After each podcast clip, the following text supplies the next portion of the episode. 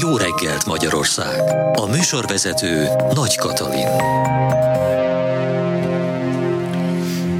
Október 1 van az idősek világnapja, ilyenkor nagyobb figyelem fordul a nyugdíjasok felé, akik jelentős részét foglalják el a mai társadalmunknak.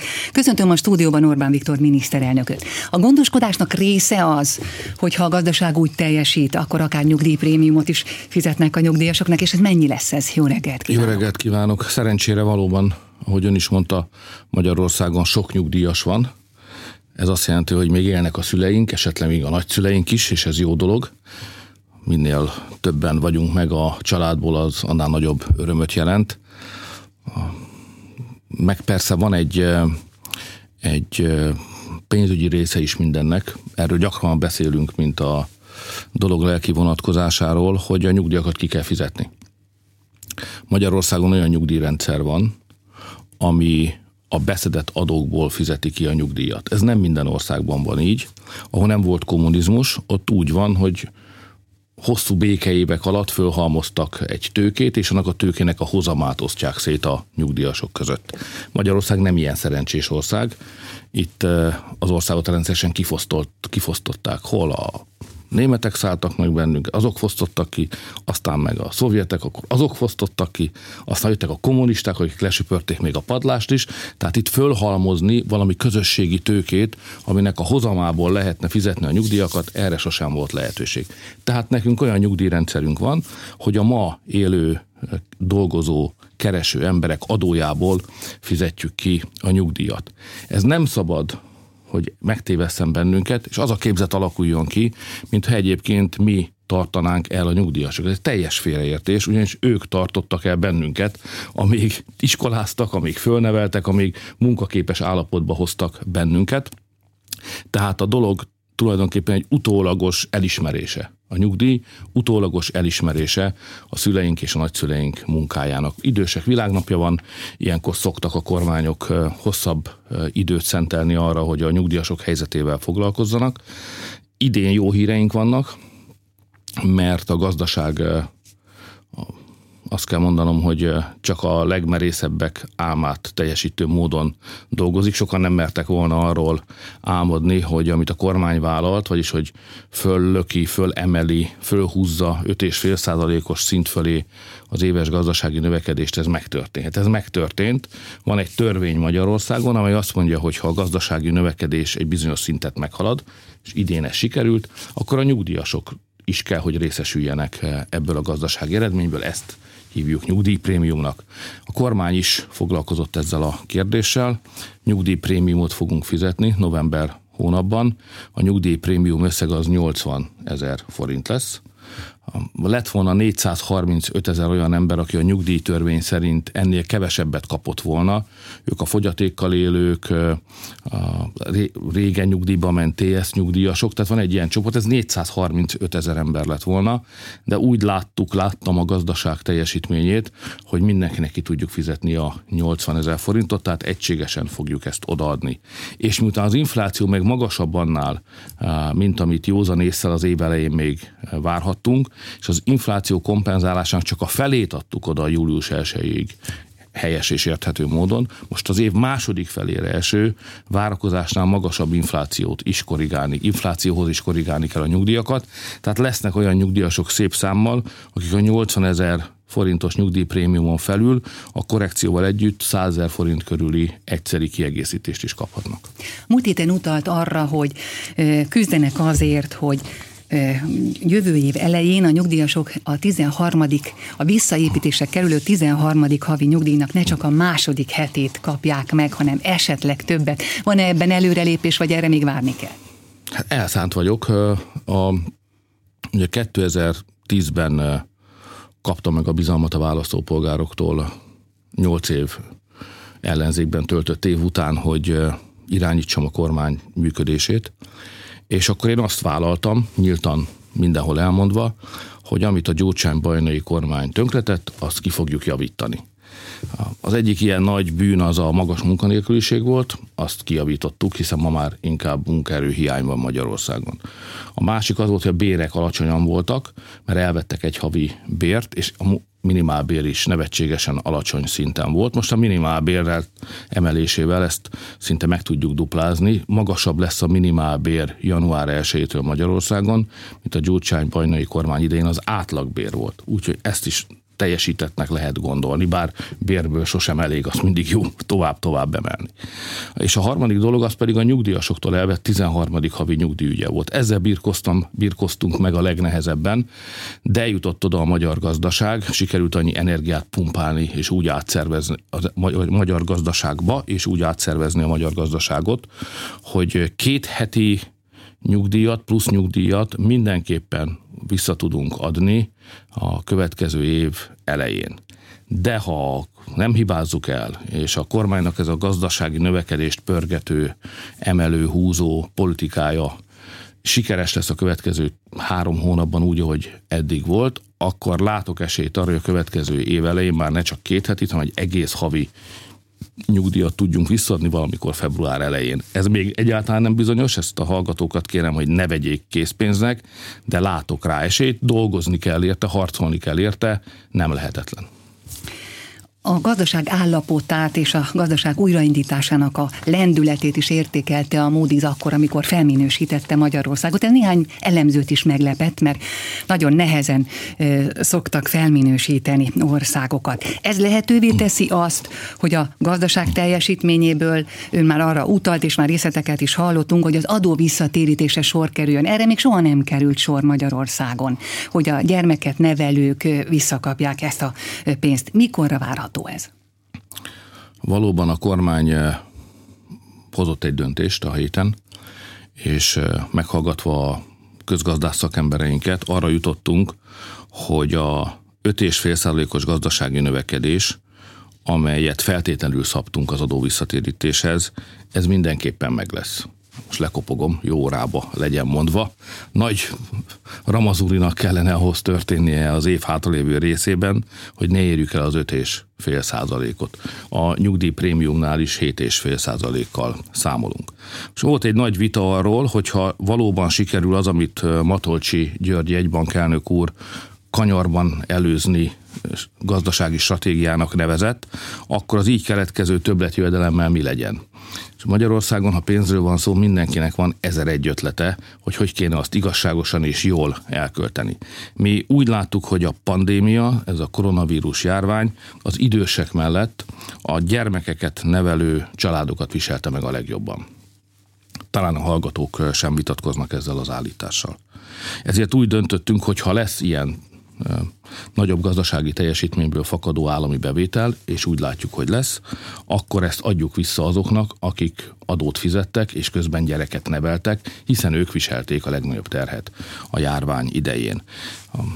A döntés megszületett, ez meg fog történni. Bonyolult számításokat kellett végrehajtani, van egy felső határ azért, hogy meddig mekkora összeget fizethetünk ki. Összességében anélkül, hogy most itt elsüllyednék az adatok tengerében, összességében 1 millió 900 ezer ember, aki gyermeket nevel, vissza fogja kapni a befizetett adóját. Tehát mindenki csak azt az adót kapja vissza, de azt visszakapja, amit befizetett. Februárban?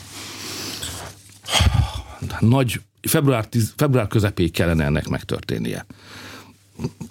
Nem kell tudni ezt az embereknek, mert miért törődnének a közigazgatás kacifántos ügyeivel, de de egy hatalmas erőfeszítést igényel az adóhivataltól, hogy mindenkire nézve személyre szólóan megállapítsa, hogy mennyi adót fizetett be, miközben gyermeket nevelt.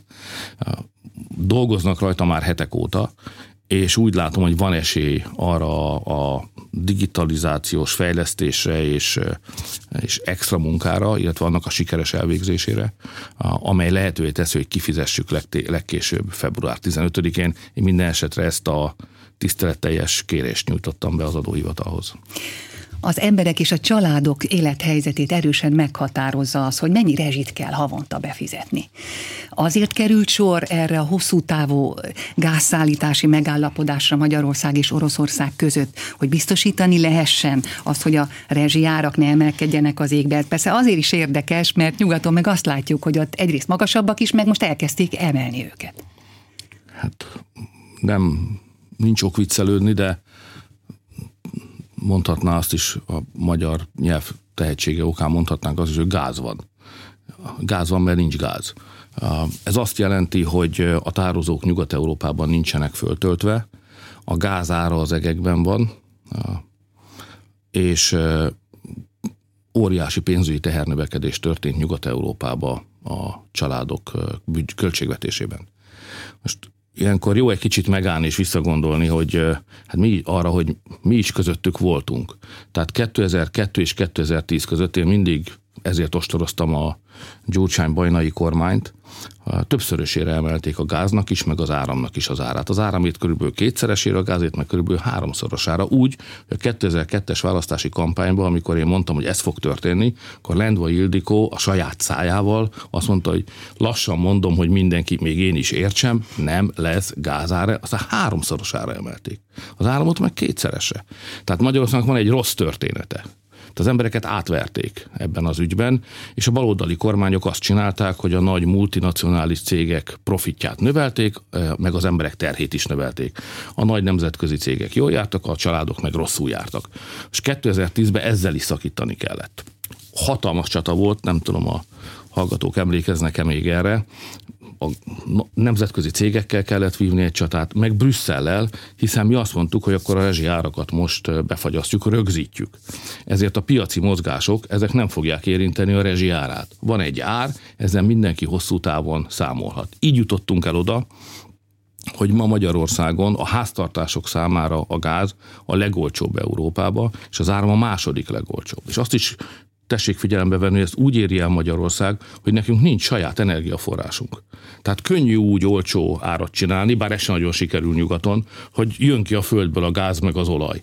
Vagy vízi erőműveket lehet működtetni. A Magyarországon erre nincsenek lehetőségei. Tehát mi vesszük az, az energiát, az, a gázt is, és utána továbbadjuk az embereknek. És úgy, hogy a piaci árok, áron kell vennünk, és piaci ár alatt tudjuk továbbadni az embereknek, ehhez kell némi közgazdasági tudás. A magyar energetikai szakemberek a legjobbak között vannak a világon, nem csak a mérnöki tudásuk szempontjából, hanem az egész gázkereskedelem okos kigondolása szempontjából is. Tehát büszkék lehetünk rájuk, nélkülük nem is menne. Van egy energiahivatal Magyarországon, ahol a legjobb szakemberek ülnek, és segítenek nekünk a rezsiárakat alacsonyan tartani.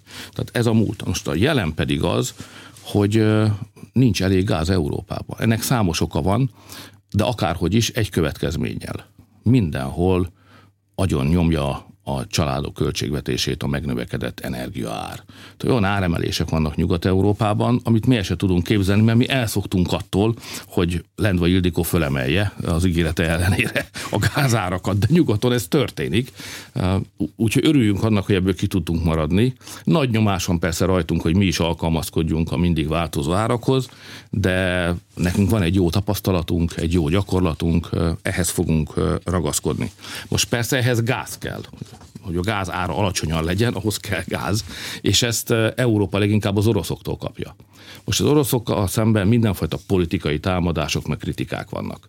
Én szerintem a politikai kritikákat, meg az energiaellátás és az energiabiztonság kérdését nem lehet összekeverni. Mert ahogy Szijjártó Pétertől is hallhattuk, ideológiai frázisokkal nem lehet begyújtani a kájhába, meg kifűteni a lakást. Tehát gáz kell. Ez a realitás. Az oroszokkal meg kell egyezni.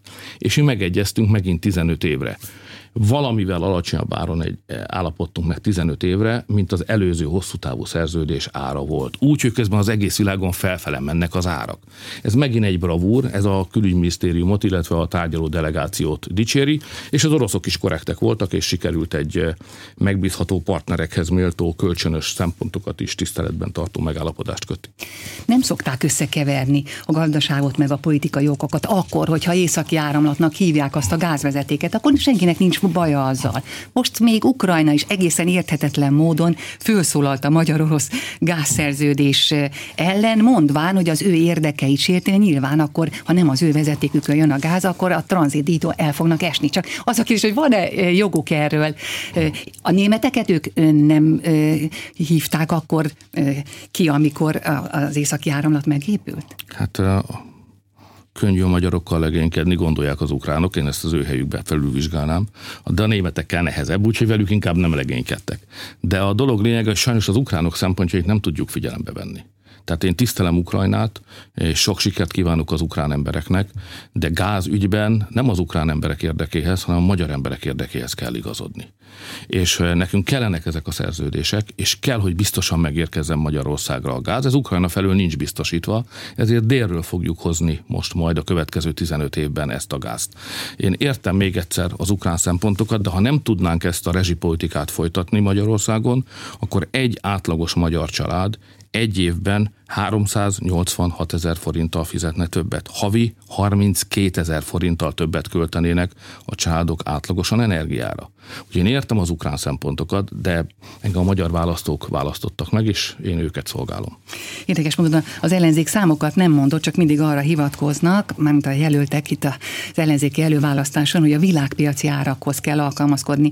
Bár hogyha egy a számokat halljuk, akkor lehet, hogy nem ragaszkodnánk mi fogyasztók ehhez. Hát, erről van szó a parlamentben, én mindig mondom nekik, hát én értem ezt a tankönyvízű, egyébként a nagy nemzetközi cégek által kifejlesztett elméleteket visszaigazoló hozzászólásaikat, hogy igazítsuk a világpiaci árakhoz.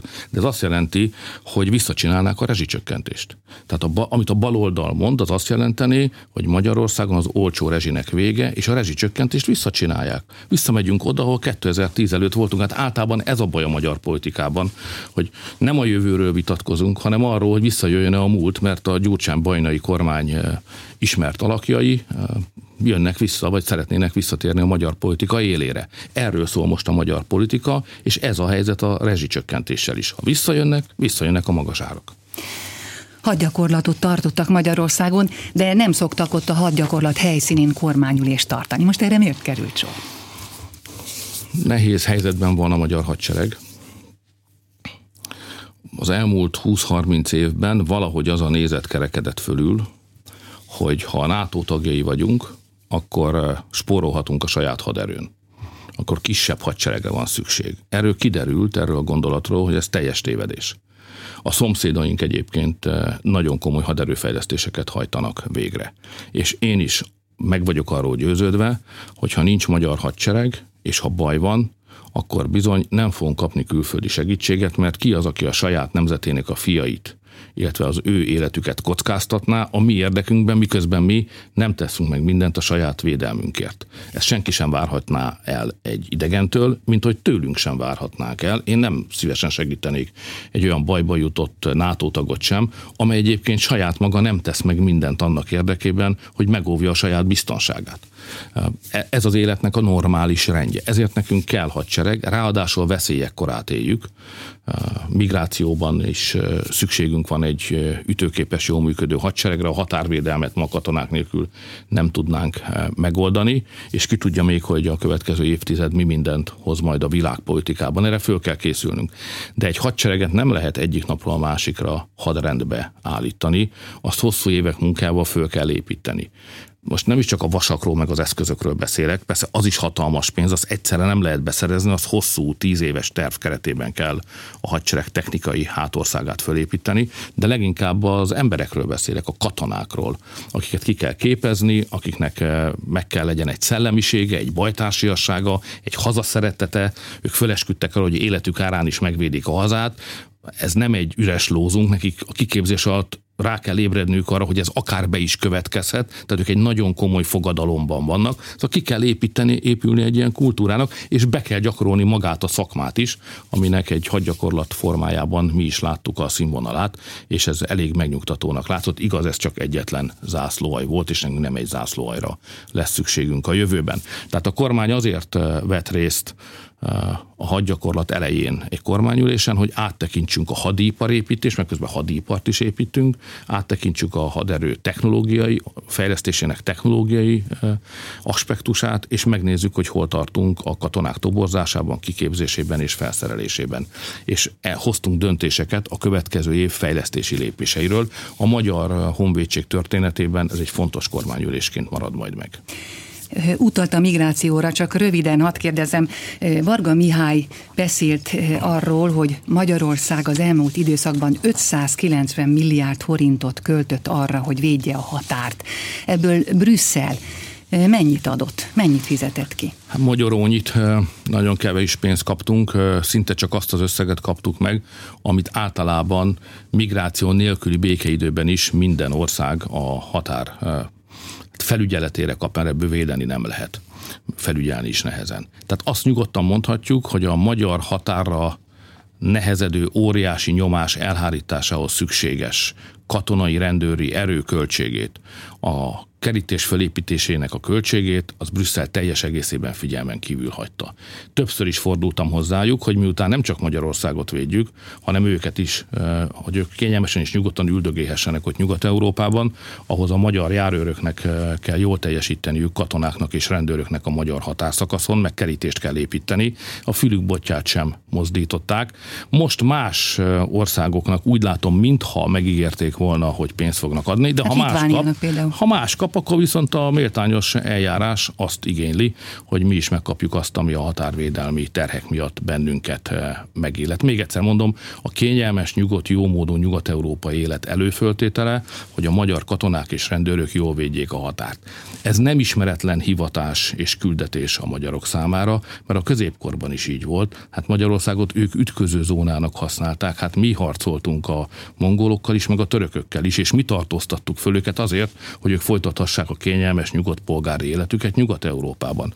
Tehát ez a helyzet nem ismeretlen, csak ez, az, ennek a korszaknak vége van, most Európai Unió van, és most el kéne ismerni azokat a költségeket, amelyeket ő miattuk is vállal Magyarország. Nem fejezhetjük be úgy a beszélgetést, hogy ne beszéljünk arról, hogy 630 új fertőzött volt egy nap alatt, és már eh, az 500 valahány kórházban lévő között 87-en vannak lélegeztetőgépen, tehát látszik, hogy emelkednek a számok, és az is látszik, hogy eh, az első oltások száma már nagyon-nagyon lassan, és lépésről lépésre, viszont a harmadik oltásért jelentkezők száma szépen növekszik. Van itt egy kettősség. Igen, hát aki már egyszer beoltotta magát, az megtapasztalta, hogy milyen jó védetnek lenni és úgy látják, nagyon sokan, több mint 600 ezeren, hogy a harmadik oltás tovább meghosszabbítja, tovább erősíti, meghosszabbítja az ő védettségüket. A kormány is azt mondja, hogy jobb, ha van harmadik oltás, mint ha nincs, ezért lehetővé tettük a fölvételét. Egész nyáron készültünk arra, hogy negyedik hullám lesz. Fölkerestük az időseket, megszerveztük és végrehajtottuk a fiatalok iskolások beoltásának az akcióját, és fölhalmoztunk annyi vakcinát, összességben év végéig 10 7 millió vakcinát körülbelül, hogy akár kétszer is, de talán háromszor is be tudjuk oltani az egész országot. Tehát föl vagyunk készülve a kórházaink is, a szakembereink is, és a raktárkészleteink is. A vírus nem győzöm elmondani, még hogyha mint borsó a falról vissza is pereg, amit mondok. Ez egy olyan vírus, ami nem megy el.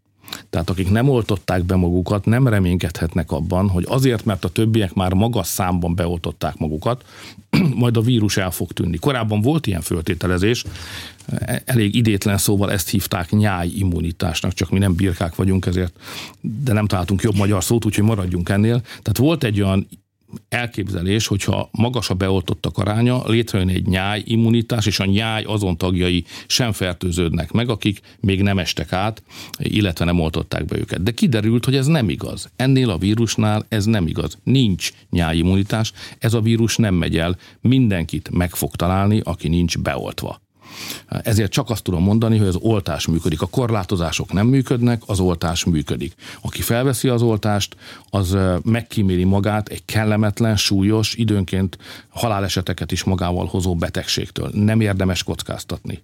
Nem az oltás a kockázat, hanem az oltatlanság. Az oltás működik. Azért mindenkit arra kérek, hogy vegye fel. Köszönöm. Orbán Viktor miniszterelnököt hallották.